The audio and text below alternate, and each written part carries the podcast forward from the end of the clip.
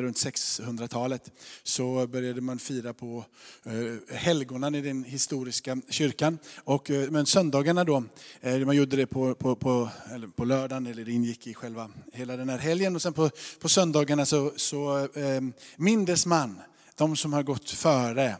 Eh, och ehm, det här är ju en helg som vissa eh, speciellt tänker på de som har gått före.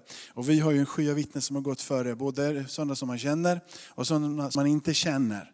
Ehm, men eh, det är tryggt att en sån här söndag får sjunga så många sånger om att jag får vila i hans famn.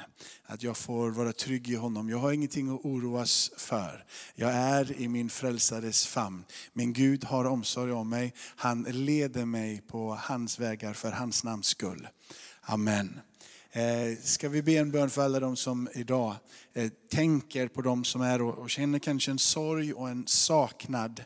Men att eh, hoppet skulle få lysa ännu tydligare och ännu klarare. Jag ber Fader i himmelen för alla de som idag minns med smärta, kanske en bortgång alldeles för tidigt. Någon som vi i våra ögon fick se lämna jordelivet för tidigt. Men vi vet att alla dagar är räknade utav dig Gud. Vi vet att du håller allting i din famn. Vi är trygga med det så vi ber Herre, kommer styrka, kommer liv, kommer kraft in i varje familj, in i varje person som har sorg, som inte kanske orkar leva fullt ut för att smärtan har varit så stor. Tack för att du idag Herre kommer med ditt ljus. Låt dem påminnas om att du är uppståndelsen och att du är livet. Och att du en dag ska komma tillbaka. Konungarnas konung, herrarnas herre. Amen. Amen.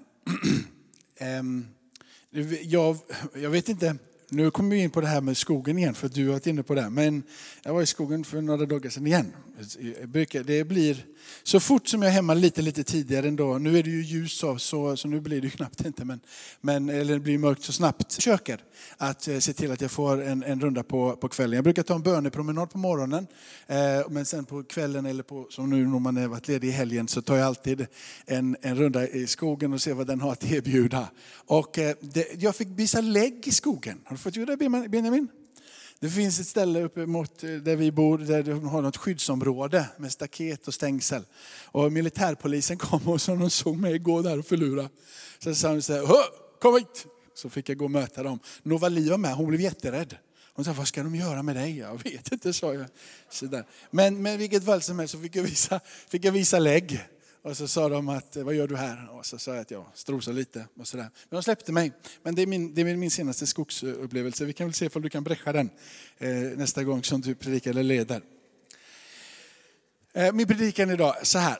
En gång till har jag, har jag, har jag kallat den. Och så här att ett barn som ska lära sig att gå Ehm, när vi, skulle, vi har ju tre barn och eh, det som händer är ju den att man tar ju bilder och kort och man filmar gärna. Ehm, då, och det man gör är ju att när, när, när barnet då kan gå tio steg eller någonting sånt där, så lägger man ut en jättefin bild på de här tio stegen. Men det är så här att eh, barnet har ju trillat, eh, inte bara en gång utan kanske tusentals gånger innan de där tio stegen. Men jag som förälder, eller jag och Helena som föräldrar, vi jublar ju och, och, åt när, när Novali, och Nomi och Elton har börjat, har börjat gå.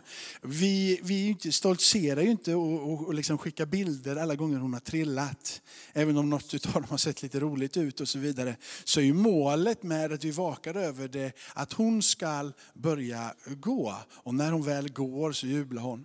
Och det som är det förundliga med oss som föräldrar är att när vi har sett henne ta dessa stapplande steg, eller de här barnen ta dem, så är det som att man nästan kan förutsätta att hon inte kommer klara det första gången. Eller? Eh, det är som man kan förutsätta att där borta ser jag en liten, liten mattkant. Den är inte speciellt tjock den där mattkanten, utan den är liksom, den är så liten så att, ja, det, det är nästan ingen mattkant. Men den mattkanten är ett oöverstigligt hinder. Den, den fäller liksom henne. Jag tog, såg till och med några kossor som skulle gå över en väg. Och ni vet de här ränderna som är i mitten som är avdelade en, en fil där och en fil där. Eller på så här, men, och, så här, va? och så de här streck och så inget streck och så streck och så inget streck. Och så kossorna skulle gå över och precis där de skulle gå över så var det ett streck. Och kossorna liksom hoppar över strecket. Liksom. För de vet vad det innebär att trilla. Men det som vi gjorde om och om igen, det var ju att uppmuntra det här, titta på det här. Och på samma sätt så när Gud bjuder in dig och mig på sin resa tillsammans med honom, så har han redan förutsett att du kommer trilla väldigt många gånger.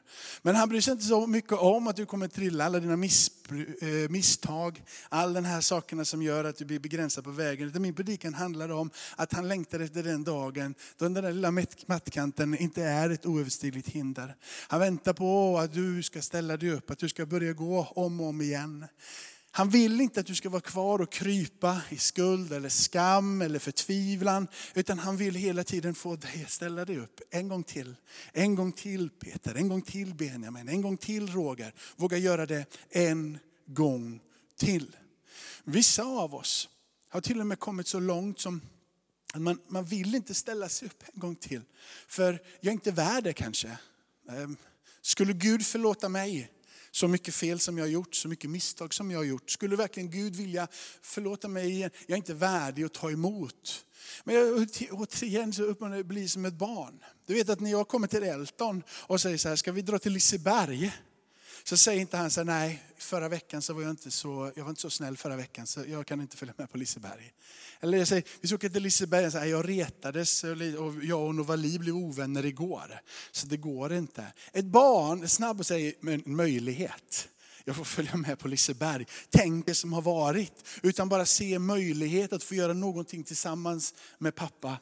På samma sätt så tror jag Gud vill att du ska förstå att du behöver liksom inte känna att du behöver bli värd att få följa med på hans resa. Eller känna att du måste prestera någonting innan han bjuder in dig att börja vandra tillsammans. Utan det är som om att han säger, den där skammen du har, den vill jag att du ska glömma. Jag har redan betalt ett pris på korset. Kan du inte bara säga ja och följa med mig till Liseberg? Amen. Det här är min predikan. Så är ni med? Nu är ni, jag för tvungen att liksom säga alltihop om det är någonting jag missar. Men vi börjar med ett bibelord. Uh, och, uh, jag har tagit både, både från folkbibeln och sen så har jag också en ännu bättre version uh, från Message. Den här bibeln som, som liksom en parafras på, det, på, på, på Nya Testamentet och Psaltaren och boken. Så här står det i Romarbrevet 5, vers 20. Dessutom kom lagen in för att fallet skulle bli större. Men där synden blev större, där överflödade nåden ännu mer. Där synden blev större. Det är där vi säger att den här synden är så stor. Det är så mycket som jag har gjort så det går inte. Möjligt för mig att komma tillbaka. Jag kanske kan tro Möjligen att Gud kan förlåta mig. Men aldrig att han igen skulle ta mig tillbaka till det där rika, djupa livet som jag hade tillsammans med Gud innan. Min synd är så stor. Men jag vill att du ska komma ihåg att där synden blir stor, där överflödar nåden ännu mer. Det handlar inte om att bagatellisera synd och misstag, skam, skuld och problem som du har i ditt liv. Utan det handlar om att lägga tonvikten på att där det finns synd som är stor, och du inser att den är stor, så är nåden ännu större. Hans förlåtelse, hans barmhärtighet övertrumfar alltid den synd som är begått. Så här står det i Message. Men synden jag gillar det här. Men synden har aldrig en chans mot den provocerande förlåtelsen. Den är alltså så illa stor och mäktig. Så den till och med är provocerande. Den är, den går lite, den, den är nästan retsam. Det är nästan som man säger det här, man kan synda och det spelar ingen roll. Den är så provocerande så att den väcker anstöt. Den väcker anstöt så till den milda grad att till och med kan Hitler bli förlåten. Eh, så provocerande den förlåtelse som kommer från Gud. För att det är som om att när synden blir större och du inser din synd så blir nåden hela tiden över. Den trumfar synden hela tiden. Den här provocerande förlåtelsen, den är det som vi kallar nåd. När synden står emot nåden, då vinner nåden lätt.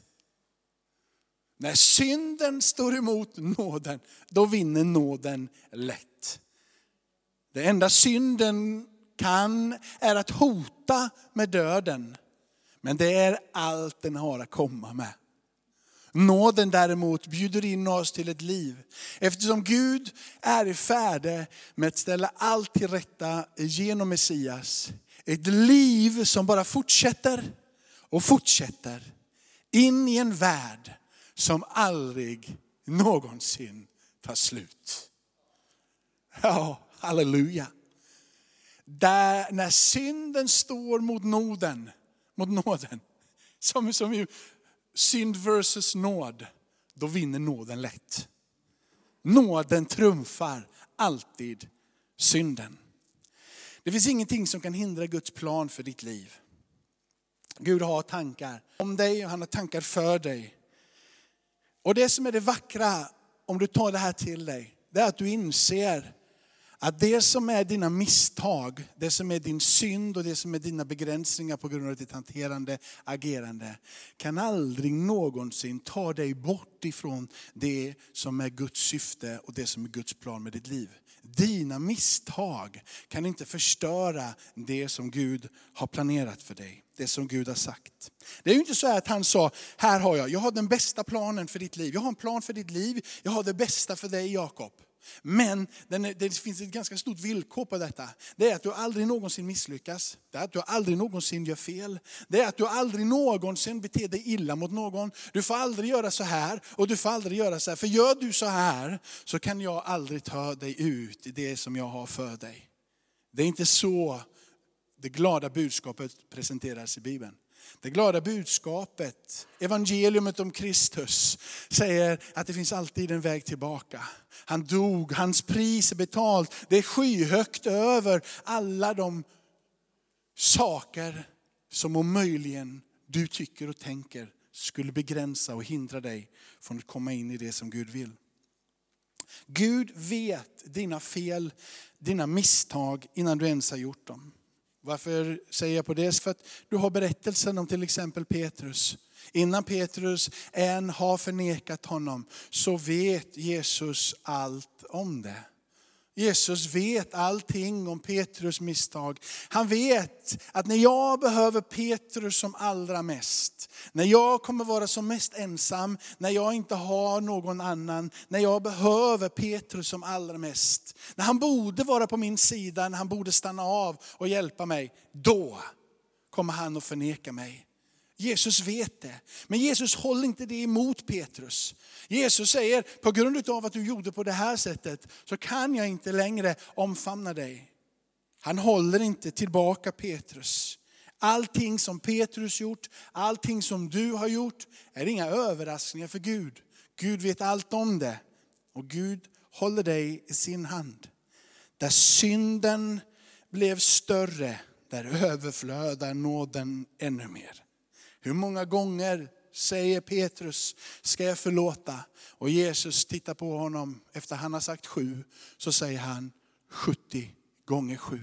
Ett oändligt tal. Om och om igen så förlåter Gud. Det är du och jag som behöver resa oss en gång till. Vi behöver komma till han en gång till. Vi behöver be till han en gång till. Vi behöver ropa till en gång till. Vi behöver en gång till lära oss att komma till Gud och ta emot det han har ge. Jag vet inte hur du har det, men jag har på nätt och jämt lämnat Gud. Jag var, eh, mötte Gud väldigt starkt i tonåren. Sen så hade jag en period där jag kände att jag kunde inte be till Gud. Jag, fick, jag vågade läsa Bibeln, jag hade respekt för Gud. Men så jag hade inte lämnat honom på det sättet. Men jag hade lämnat allting som jag trodde var rätt och riktigt. Jag hade sån respekt för Gud så att jag till och med inte bad. För det kändes fel att be när jag liksom, ja, hade inte kraften att gå vidare. Jag äm, läste Bibeln men jag vet inte vad du har gjort. I min värld så hade jag nästan lämnat Gud. Kanske har du lämnat Gud. Du kanske är här och äm, undrar om Gud någonsin kommer ta dig tillbaka till den platsen där du var innan. När jag väl kom tillbaka till Gud, fick gråta och hitta hem igen, så hade jag en lång resa innan jag kunde känna mig frimodig tillsammans med den heliga Ande. Att jag kände liksom att det där livet, intima livet med Gud som jag haft, det var svårt att komma tillbaka till. Och jag tänkte, är det möjligt för mig igen att få den relation som jag hade med Gud innan? Den där Gud ville, det var att jag igen skulle bara komma och be en gång till komma tillbaka till honom. En gång till fråga, är det möjligt för mig att få vara en del av det här? Är det möjligt Gud? Inte bara be om förlåtelse för det man har gjort fel, men igen tro Gud om att få komma tillbaka till den platsen man har varit. Och ännu mer få stiga in i det som Gud har för oss.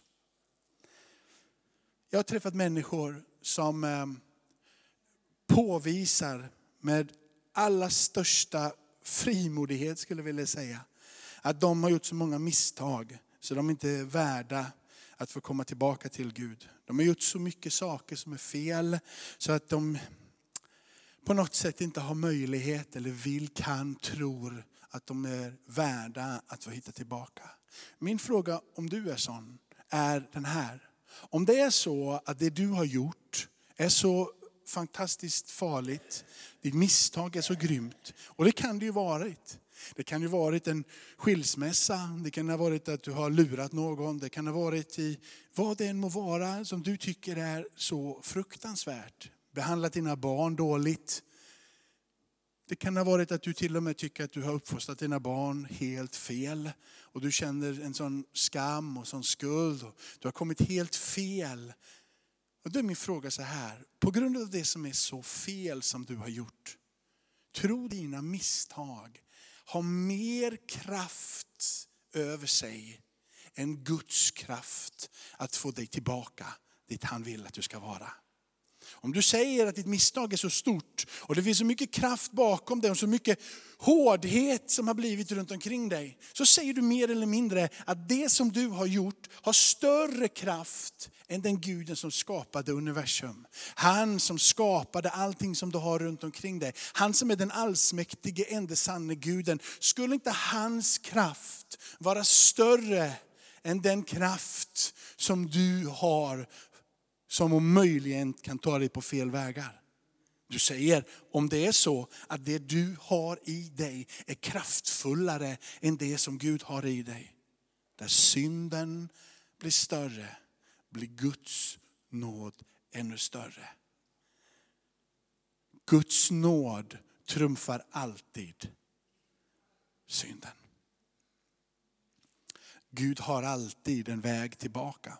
Så här står det ifrån Romarbrevet 11.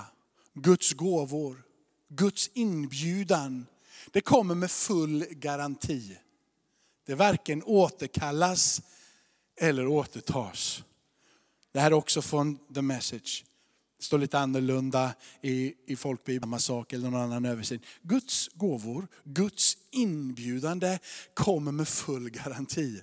Vi köpte en ny bakmaskin här nere nu. En rosa, för Marie Antonsson ville att det skulle vara en rosa bakmaskin. Ja, och, och då finns det en garanti som har kommit med. Och den garantin tror jag var i sju år. Det är ingen full garanti. Den går ut efter sju år. Går den sönder efter åtta får du ingenting tillbaka. Men när det kommer till det som Gud gör och Guds gåvor och Guds inbjudan så är det en full garanti. Den varken återkallas eller återtas. Det Gud har gett, det har han gett fullt ut för alltid. Amen. Det är en sån Gud som du tillhör. Det betyder att Gud aldrig någonsin kommer att underkänna dig. Gud kommer aldrig någonsin att säga att du är tyvärr inte värdig. Du är uträknad. Det finns ingen plats för dig. Gud kommer aldrig någonsin att säga så. Jag tror det är så här också till och med, att de misstagen som du har gjort kunde ta dig bort ifrån det som Gud har tänkt, syftet med ditt liv, så tror jag aldrig att det hade hänt. Jag tror att Gud skulle aldrig låta någonting hända som skulle kunna ta upp. Vissa saker händer. Ibland händer saker som du och jag inte förstår. Det finns tillfällen då du kommer att snubbla lika mycket som det här barnet eller vi, våra barn som snubblar på mattkanten. Det kommer komma tillfällen Det kommer komma saker som händer, händer som gör att du kommer att falla. Det kommer komma tillfällen då du vet att du inte ska bli arg, men du blir arg.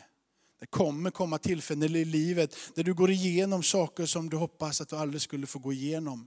Kanske en skilsmässa, kanske en relation på något annat sätt som brakar. Det kommer komma saker och ting.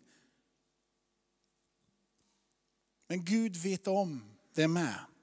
Det står så här att eh, överlämna dina vägar åt Herren från psalm 37 och förtrösta på honom. Och så står det, då ska han göra det. Mer eller mindre öppna dig för Gud.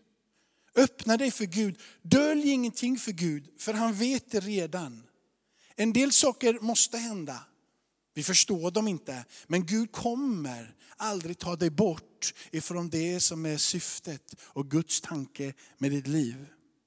Herren står det senare i psalm 37. Herren gör en man steg fasta och han glädjer sig över hans vägar.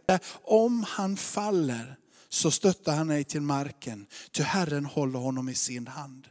Ungefär, Gud styr och Gud har kontrollen. Men tyvärr så kommer du ibland att falla. Det kommer komma tillfälligheter då du inte orkar hålla dig på mattan. Det kommer komma tillfälligheter då du inte orkar stå upp. Det kommer komma saker och ting som kommer att tvinga dig att ropa efter Guds nåd. Det kommer komma saker, men var inte rädd. För om du går fel och du faller, så låter han dig inte falla till marken och krossas. Han har sin hand där och han lyfter dig upp och han sätter dig tillbaka på klippan. Misslyckanden som du gör, det är inte slutet för dig. Ett missbruk, vad det än må vara för något missbruk, det är inte slutet för dig. Eller hur? Nej, skilsmässan är inte slutet. Herren håller dig i sin hand. Han släpper inte taget om dig. Om du faller så säger han bara, stanna inte där nere. Han säger, res dig upp. Fortsätt inte att krypa omkring i skuld och skam, utan kom tillbaka till mig. Ropa igen. Du vet, det priset är betalt för ditt misslyckande. Det priset betalades för 2000 år sedan på korset. Hans blod rann så att ingen synd som du har gjort, inget smuts som kommer i din väg, inga misstag som du har gjort som gör att du faller in i tomma intet, gör att du slår i botten. Hans pris för dig är dyrköpt. Han kommer rädda dig vad som än händer. Men jag är inte värd det kanske du säger. Låt mig påminna om en berättelse i Bibeln. Det var en kung som hette Manasse. Andra krönikeboken kapitel 33. Denna Manasse var en ond kung. Hans far hade varit en god kung, eller hyfsat god kung. Han hade också på slutet gjort lite misstag, men han ropade på nåd och fick komma tillbaka. Han hade sett till pappan att igen så prisar man den levande guden. Han hade sett till att det blev lite ordning och reda i templet och att folket igen började tillbe den levande guden. Men så kom Manasse. Manasse blev kung i 55 år. Manasse gör det fruktansvärda. Han är listad i Bibeln som en av de hemskaste personerna, en av de mest vedervärdiga personer. Han var en dålig kung, han var en ond kung, han var en vredes kung. Det står att han tog bort Herrens tempel på det sättet. Upp altare för bal. Alltså tillbe vad du vill. Han kallade det på teckentydare, spåmän.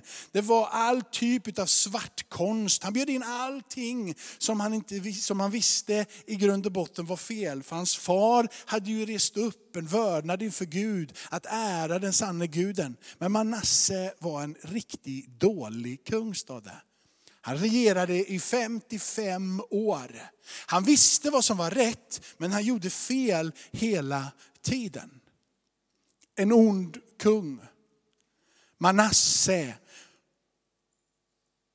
fick ett tilltal från Gud och folket i vers 11. I den versen så står det att Gud talade till Manasse och Gud talade till folket och påminde dem om vem han var. Manasse struntar i att Gud talar. Han skiter i det helt enkelt. Han struntar i det för att han har gjort så många misstag, så mycket fel så att det fanns inte längre något ljus att skina på. Han hade gått sin egen väg, brutit sönder allt och rest upp svartkonst och avguderi i hela Israel. Men då blev Gud vred, står det. Och han lät en armé, Assyriernas armé, Babylons, han tände upp deras hunger och iver efter att slå sönder Israel och Juda igen. De kommer in och de tar Manasse i fånge. Och slår sönder och de erövrar igen. Det står att de sätter bojor på Manasse. Kopparbojor och börjar föra honom till Babel. Och medan de tar han dit så börjar Manasse ropa till Gud. Han säger, Gud, ha nåd. Känn min nöd. Rädda ditt folk. Rädda oss. Du vet Gud hade sett hur Manasse under många, många år, han regerade i 55, under många, många år hade han hånat Gud. Han hade inte ärat Gud, han hade struntat i Gud. Han hade bokstavligen gått sin egen väg och låt Gud få falla i glömskan. Han hade inte ärat Gud överhuvudtaget. Vad och på vilket sätt skulle Gud agera? Man säger, alltså, nu passar det. Nu passar det. Nu har du mycket problem. Nu passar det att komma till mig. Icke sa Nicke, jag tänker inte låta dig komma nu. Manasse, du är lämnad åt ditt eget öde. Varför skulle jag stiga in och rädda dig Manasse? Manasse, du har sått och nu får du skörda det här. Förvänta dig ingenting utav mig. Men det är inte som Gud är. När du kommer hem sen och läser berättelsen från andra krönikeboken kapitel 33 så står det att Gud hörde hans bön. Gud förbarmade sig över Manasse. Han tar bort bojorna och han för Manasse tillbaka för att återigen regera som kung. Tänk ifall Manasse hade i sin stolthet sagt att jag har gjort så mycket fel i så många år, jag struntar i att be. Gud kommer aldrig någonsin att höra mig. Jag har gjort så mycket, jag struntar i att be. Jag struntar i det här, det finns ingen chans för mig.